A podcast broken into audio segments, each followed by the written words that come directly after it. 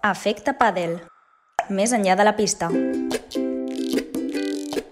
pa pa pa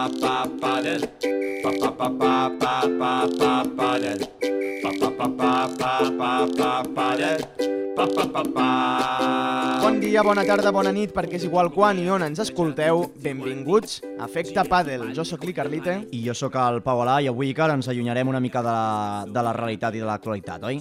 Sí, ens allunyem de les pistes de més de World Padel Tour, el Premiers. Premier Padel, que hem tocat les últimes setmanes, i anem a, to a tocar un tema més, més de fons d'aquest que també a nosaltres ens, ens agrada. Sí, eh, a vegades va haver una mica també canviar de, de registre.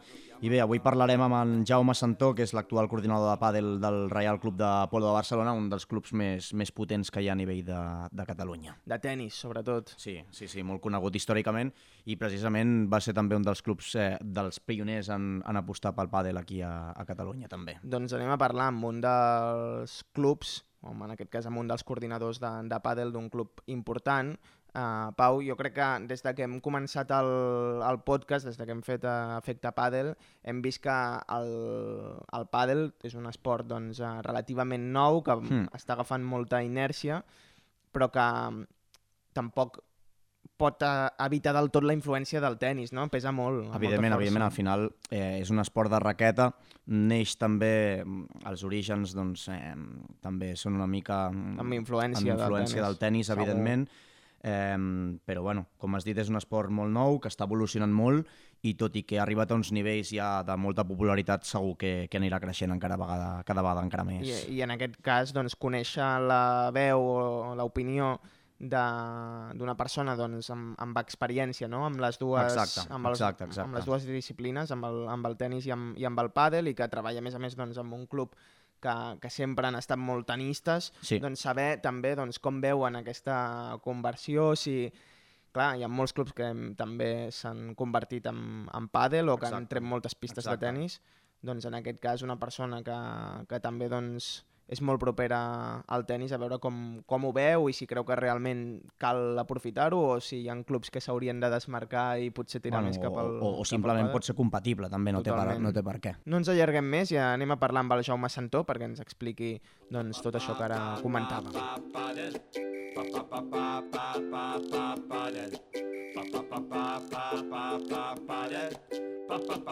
Jaume Santó, benvingut a Efecte Padel, com estàs? Bona nit, molt bé. Molt bé, moltes gràcies per la trucada. T'agafem per Mallorca, no? Sí, a, Man a Manacor, exactament. A Manacor. Sí, sí, jugant un torneig de tennis. De tennis, perquè tu eh, competeixes a tennis i, i pàdel, o hem vist a Twitter que et defineixes com a jugador frustrat de, de tennis, eh, això, això per què? Correcte. Jo he jugat tota la vida a tennis, des de ben petit que el meu pare em va inculcar la passió pel tennis, des dels 8-9 anys, i jo sóc de Figueres, de Girona, i bueno, de petit destacava bastant, i amb 16 anys em va becar la Federació Catalana de Tenis. Llavors vaig estar a Barcelona dos anys becat entrenant cada dia, doncs amb el David Ferrer, amb gent que sigut professional. I la meva idea era ser doncs, com ells, saps? Com no un Rafa Nadal, però bueno, per l'estil. Llavors em vaig cap al camí, com molts altres, i vaig sempre dir que jo volia ser tenista professional i he sigut un intent frustrat de tenista, tal qual. I, I això ha sigut una conseqüència perquè també t'endinsessis més al món del pàdel o simplement vas començar a jugar, vas veure que t'agradava i també vas decidir tirar-te pel, pel pàdel? No, no, té, no, no té res a veure. Als 18 anys, com vaig veure que no podria ser professional, vaig decidir deixar d'entrenar-me seriosament, començar a estudiar la carrera i llavors treballar en fer de tenis, al final em va sortir una, una feina de pàdel i hòstia, veia com una feina com, no sé com, dir, com més agraït, saps? Fer entrenador de pàdel és com més fàcil ensenyar, l'alumne aprèn ràpid, és com un tracte molt més directe, més a prop, no sé. I em va enganxar això per ser un entrenador. O sigui, creus que, que realment a l'hora de- d'ensenyar és, és diferent, el, el tracte amb el, amb el jugador és més agraït. Per què? Sí, perquè, clar, o sigui, a veure, jo he entrenat a tenistes com, tipo, el que volia ser jo com professionals. Llavors, aquest tracte és diferent, ja, ja jugant bé, ja és com més, no sé, més tàctica, més Hmm. tema mental, psicològic, però a nivell base, com a escola, quan comences a treballar de monitor, hosti, entrenar, ensenyar una persona de tenis que no ha jugat mai o que no, és molt, que no té molt nivell és bastant complicat. És un esport difícil d'aprendre i és una mica frustrant a vegades per l'alumne. Mm. Costa sacar, costa jugar, el pàdel, encara que no he jugat mai a cap esport de raqueta, més o menys amb quatre nocions bàsiques, comença a jugar bé, l'alumne la s'anima, veu que millora, i jo trobo com més agraït, saps, ser monitor, és com més, més recompensa, tant cap a mi com per l'alumne. I a l'hora de- d'iniciar-se també, no? És molt més fàcil iniciar-se amb el pàdel que no amb el tennis. Molt més, jo trobo jugar a tenis, trobo molt complicat, és un esport molt difícil, no he jugat mai, amb 20 anys o 25, començar a jugar a tenis és molt complicat, si no has jugat a petit. Tenis, ai, pàdel pot jugar, jo crec, qualsevol. La meva mare no ha jugat mai, està Mm. jugant ara i s'ho passa a teta, juga bé i, i està encantada, per, exemple.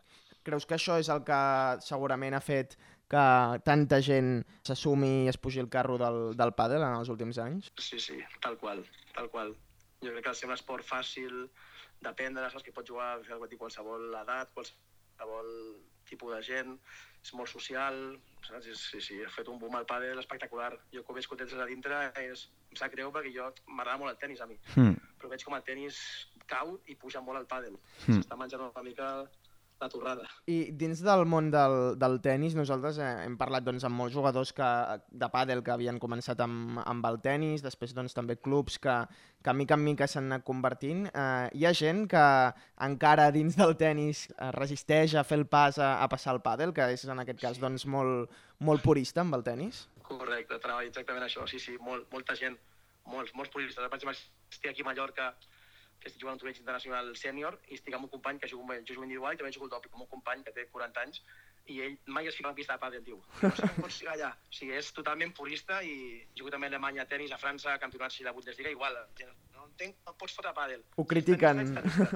Molt. Hi ha molta gent molt, molt, molt purista. Dic, oh, has d'entendre totes, les totes les postures.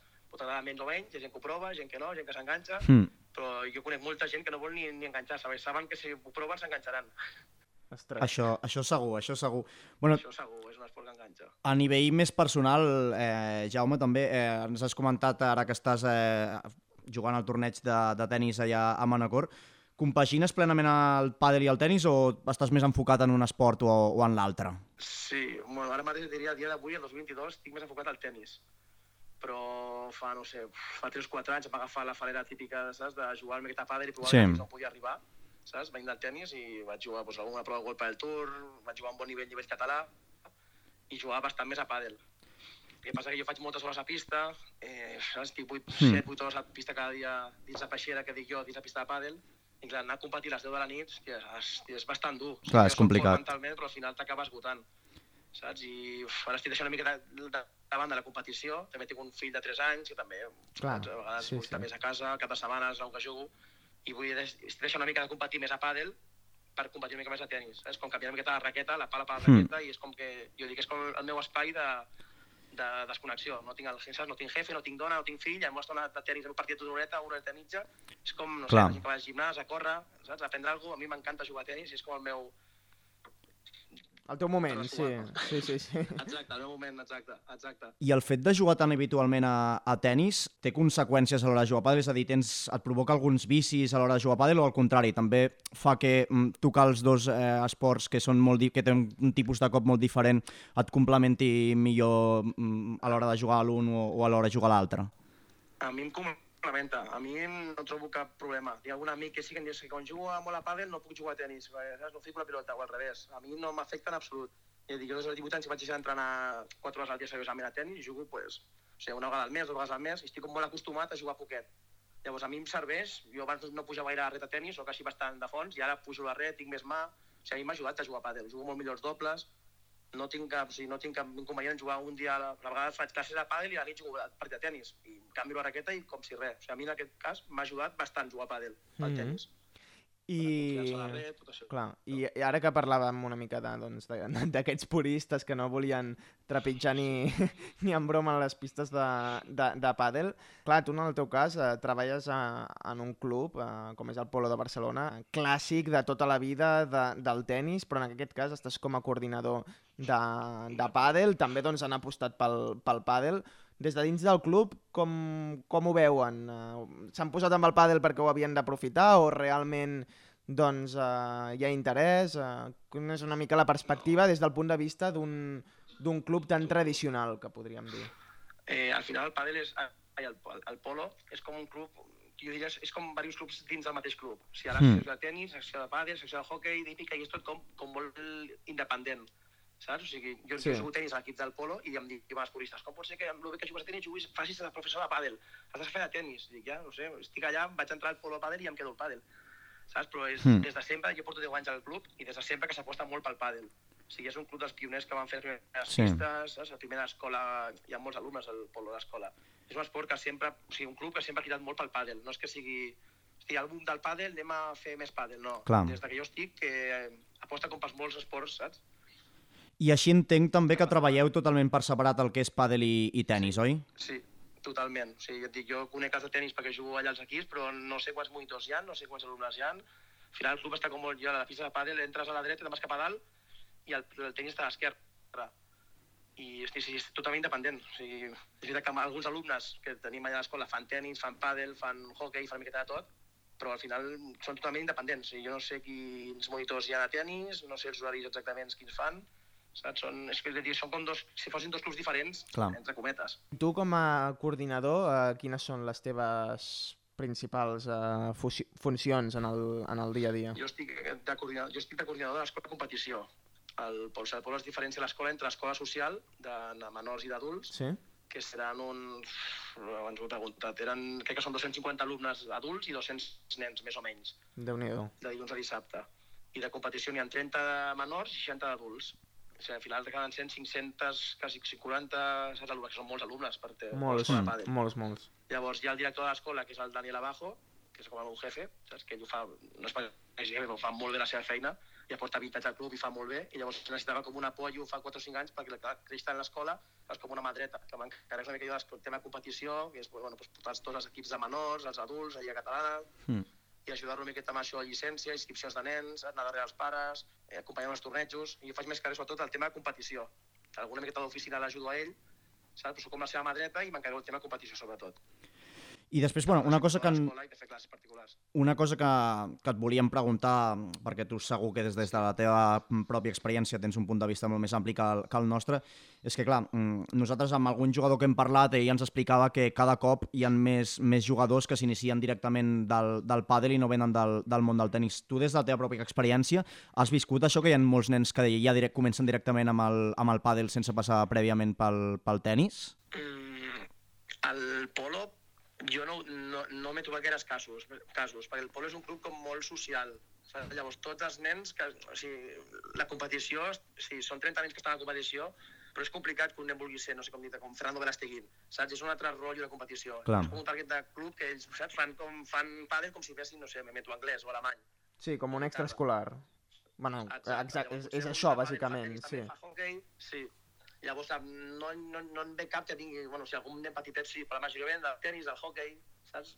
Jo m'ho he trobat això als, als tornejos. Quan jugo campionat, ja dic, fa 4 o 5 anys que jugava, eren tots típics tenistes, es deia que els nens juguen a tenis com molt ràpid, al xoc, i ara són més, ja venen des de, de petits de pàdel, i es nota a l'hora de jugar, perquè tenen més, no sé, més parets, més calma, ho noto molt a les competicions. A la meva feina, no precisament perquè el club no és un club, saps, només de pàdel, sinó que és com multisport. Clar. Mm, com molt, molt social, també.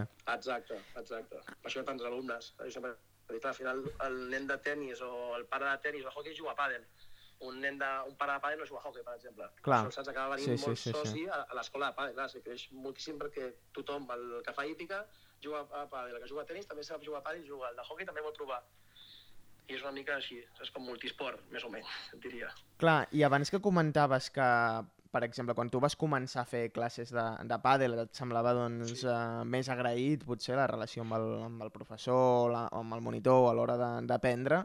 Um, clar, tu també vas competir amb tennis i ara coordines doncs, també competició. Creus que a l'hora de, de competir també doncs, és més agraït o hi ha més ambient en- pel fet de que no és un esport eh, individual com el tennis, sinó que la gent doncs, va amb la seva parella i potser doncs, mou més gent que un campionat de, de tennis individual? Mm, no, no, o sigui, molt més gent sí, perquè al final són dos, saps? Hi ha dos pares, però al final també hi ha com més, no sé com dir-ho, com més roces, saps? Perquè les parelles s'enfaden entre elles, saps? Canvien Clar. de parella, no sé com dir-ho. El tenis és com... Jo veig un esport molt noble, el tenis. No dic que el pàdel no ho sigui, eh? Però el tenis, saps? Sempre ens intentem jugar tots, anàvem... Tu jugues individualment, però jo quan anàvem a la federació érem 7 o 8 nois que anàvem, entràvem cada dia junts, viatjàvem junts, ens ajudàvem, escalfàvem, anàvem a veure el company, l'animàvem... Fèieu, di fèieu dinàmica de- d'equip també, tot i ser un esport que, que és individual, fèieu equip i grup. Exacte, al final és, suposo com tots els esports, és un esport molt dur i estàs molt estona sol, mm. jugant a la pista sol, llavors estàs pujant molt amb els companys, al final fas com una pinya, bueno, com fan els nois ara, per exemple, de competició del polo petits, que anem al toreig i anem als 10, s'animen, saps? Bueno, igual. Llavors jo no veig que... ho veig semblant, realment. Clar. Una competició tant a nivell crec, més amateur com més professional. Clar, i abans, abans també ens comentaves eh, el fet de que mm, a l'hora de començar a jugar a pàdel, doncs, eh, o, o, o, o, o ja no en, uns, en, en un inici, sinó jugadors, diguéssim, de nivell més amateur, és molt més fàcil ensenyar-lo. Com, com treballeu eh, amb els jugadors de, de més nivell, aquells que, que ja s'encaren més de, de cara a ser professionals? A pàdel, no? Sí, exacte. A les, al club.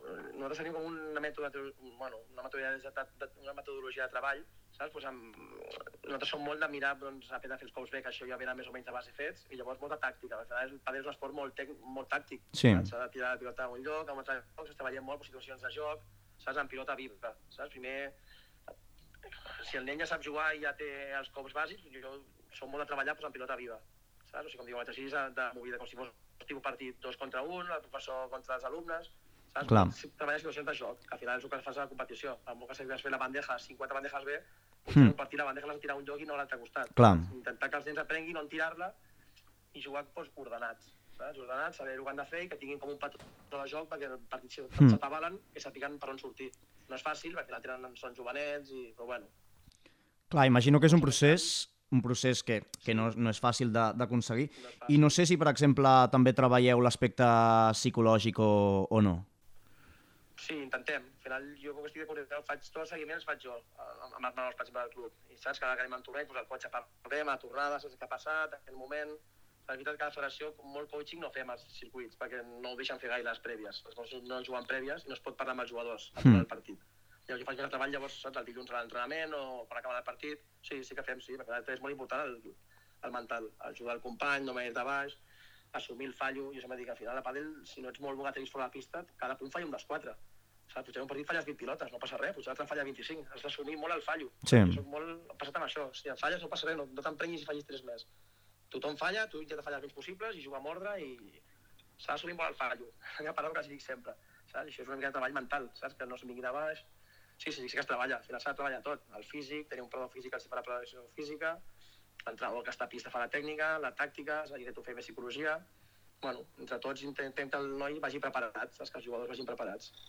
Dins de mm, la influència que el pàdel doncs, ha tingut en molts àmbits amb el, del tennis, um, un dels temes que hem tractat aquí últimament també és el sistema de, de competició, sobretot doncs, amb, amb la polèmica que hi ha ara entre World Padel Tour i, i jugadors per la seva presència en el, en el Premier Padel. Tu creus que el pàdel, la seva evolució el pot portar també doncs, a copiar un tipus de, de competició més tipus ATP de, de tennis? Podria ser, jo crec que sí. Al final això de tenir només un únic, un únic circuit, saps? Un únic mm, propietari del circuit, hòstia, és complicat. Al final s'ha de poder diversificar, jo crec que sí. Jo crec que el catarins aquests, no? Per lo que he Sí. sentit, volen anar a ficar els tornejos pel món i acabarà sent, bueno, moment que faran una setmana a Tour, una setmana a Qatar. Jo crec que sí, que cada vegada serà més, no sé com dir, més global, no? Ja juguen molt a Suècia, a Padel, a França, als Estats Units, jo crec que sí. I que cada jugador triés una mica doncs, quin circuit li convé més anar, quin no... O quines proves, com fa el Nadal, que ara juga Grans Slams i no jugo aquí, jugo a Barcelona però jugo a Acapulco, doncs sí, una mica sí, al final també tens dret a escollir. Jo crec que sí, això seria l'ideal, crec jo. Però bueno, al final no sé ben bé quina cort era el Golpa del Tour, saps? Que Clar, clar, clar. Nit, no sé cort eren això, però l'ideal seria que sí, jo Sí. crec que es caminarà cap aquí. Mentre més global sigui, a més països anirà i acabarà sent, sí, doncs com un, sí, com un ATP, però en petitet i a poc que vagi creixent. Bueno, i relacionat una mica amb això també, mm, també potser és una pregunta una mica putada, entre cometes, perquè és difícil de, de contestar, però no sé tu, des de la teva pròpia opinió, com, com creus que, que serà el futur del pàdel, si seguirà creixent o, o, o, si, o si ja està a punt d'arribar, diguéssim, al seu, al seu clímax, en el seu, al seu màxim. jo crec que seguirà creixent. Sí, Al final no? té molt marge per créixer en molts països. Si Clar. potser Espanya ja ha fet un boom molt fort, però clar, que enganxin, jo penso, als Estats Units Xina si s'enganxa, aquests Clar. països grans, i jo sempre penso, com als Estats Units s'enganxi a jugar a pàdel i, no sé, Nike comenci a fer pales, torneigs o circuit, al final, no, el que triomfa als Estats Units diuen que se'n va cap amunt.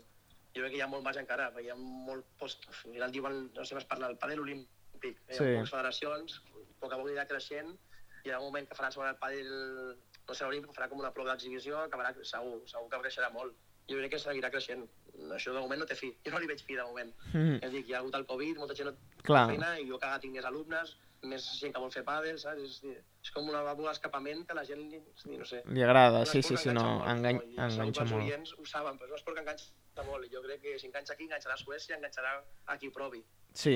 Ara per acabar i canviant-te molt de, de tema, eh, ens ha fet gràcia perquè hem vist que la setmana passada et vas, et vas provar com, com a actor en Múnich, no? Sí, sí, bueno, va ser... Em van passar la foto, ho vam fer el gener. Ah, I val, vaig- val, sí, val. Em, van trucar per fer... Era la promoció per fer l'Open d'Austràlia, de tennis. Em saben que jugo tenis i tal, i conec alguns del tennis. Em van dir, mira, volem fer un anunci d'un minut per promocionar a les redes socials de l'Open d'Austràlia pues, el pàdel. I vam anar amb l'Enric Sant Martí, el número de Catalunya, el Juan Lu, un altre noi, Juan Lu Blanco, i dos noies. A fer, sí, vam estar allà, bueno, al golf de Barcelona, 7 o 8 hores. Un fet que feia el gener allà tots amb màniga curta, Sí, sí, doncs fent, bueno, punts, saps? Quatre imatges, una mica de... Sí, una mica d'actor. Potser amb, amb el estar divertit. Sí, potser amb el tennis um, no, però com a actor sí que pots fer més carrera, no? és broma, és broma. Jo veig també, no, no, no, no ho veig clar, no ho veig clar. Del, del pàdel, em sembla. Però Molt bé. Em sembla bé. Perfecte. Doncs uh, res, Jaume, ha estat un, un plaer uh, parlar amb tu aquí a Efecte Padel i res, desitjar-te doncs, molta sort amb, amb tots els projectes i, i t'anirem seguint des d'aquí, però si doncs, més endavant podem, podem conversar un altre dia, que, que ha estat molt interessant i, i se'ns ha fet curta la, la conversa en Pau i a mi. I tant que sí. Moltíssimes gràcies a vosaltres. També molt, molt d'èxit al programa i el que necessiteu, aquí estic, perquè us pugui ajudar. Jo encantat d'explicar l'experiència, el que necessiteu ho saber. O sigui que moltes gràcies a vosaltres. El tie break. Doncs després d'aquesta conversa amb el Jaume Santó, ens endinsem ja de ple en el tie break, Pau. Molt interessant, com sempre, doncs, comptar amb aquests testimonis com, Sí. com el Jaume, que, que viuen al pàdel i en aquest cas el, el tennis, no? també de Sí, molt a no, i, prop. al, i al final és una visió una mica diferent a les que havíem tingut fins ara. No? A mi m'ha creat sobretot molt la- l'atenció el fet que ha dit que amb ell personalment li, li va molt bé compaginar el, el tennis i el pàdel perquè a vegades, a vegades no costa no? adaptar-se perquè és un, cop, és un tipus de cop molt, molt diferent, el tennis l'allargues molt més, és un cop molt més liftat, el, el pàdel és molt més tallat i bé, doncs, més ràpids, mm, també, Exacte. més I curts. al final tens les parets Sí. sí. darrere, el nivell posicional és molt diferent, les, les mesures de la Les pista també són, dimensions. són diferents. És- I m'ha cridat l'atenció això que he dit, que, que realment amb ell li, li, li complementava jugar a tennis i, Sí, i perquè pàdel. de fet ja amb la majoria dels que hem parlat, com evidentment és obvi perquè és un podcast de pàdel, doncs són jugadors de, Sí. de pàdel i tots venien de, o la majoria venien del tennis però ara només jugaven a pàdel i el que dius, ell compagina i després també m'ha cridat l'atenció que ja m'ho podia imaginar que n'hi havia d'aquests puristes que, que són de tennis i no els treguis d'allà i, i no se la volen jugar amb el pàdel. Bueno, Eh? això passa, jo crec que passa amb, amb, Amb amb, més d'un esport. Eh? sí. Quan, quan hi ha algú que, que diguéssim, és molt religiós eh, de, de, de cert esport, diu jo, jo no surto d'aquí i, i aquesta gent és, és difícil de treure-la del, del seu I terreny. també va bé tenir gent d'aquest tipus que, Sí, sí, sí. que al final fa No, que l'esport... en tot cas, evidentment, el pàdel està creixent molt. És Sí. evident que hi ha molta gent del tennis que s'ha passat al món del pàdel, però això ni molt menys vol dir que, que el tennis hagi de desaparèixer. Al No, contrari, és un no, esport no, que, no. que el practica moltíssima Però sí gent. que ha dit que veia que el tennis anava una mica a la baixa, al revés de... Bueno, Però clar, no, és que el tennis és està evident, és, a dalt és, de una, tot. és un esport que de- a- Sí. d'esports de raqueta, sense cap mena de dubte, era el més practicat amb molta diferència, i de cop s'ha trobat amb un esport com el, com el pàdel, que, com ell ha comentat, eh, que Pot el seu club és un club molt gent, social, eh, és, és un esport també molt social, eh, és això també mm, si jugues a un nivell més baix és molt més fàcil a aprendre, pots anar a jugar amb amics, al final també per enganxar-te és, és més fàcil que el tennis, no? perquè mm, sí que és veritat que el tennis, jo per exemple, que, que he jugat alguns anys, evidentment a nivell molt amateur, que ni molt menys em, No, no cal puc, que, em puc no, cal, no cal que et facis el eh, cost, l'humil, cost, Pau. costa, no, no cal. costa, molt més, costa molt més començar el, a l'hora de jugar a tenis que, que jugar a pàdel, sense cap mena de dubte. Doncs uh, bé, nosaltres ho deixem aquí, ens anirem ara a jugar a pàdel. no, és broma, avui hem fet el podcast una mica... està, I a més està, està complicat, eh? No sé que la sigui un, un indoor... Sí. Portem setmanes que, que, que costa reservar. Està complicat el tema, de fet potser no, no sé si s'escoltarà, si, si, si ho podreu sentir, però està plovent bastant eh, nosaltres, eh, com dèiem, ho deixem aquí, ens retrobem aviat amb noves històries més enllà de la pista. Pa, pa, pa, pa,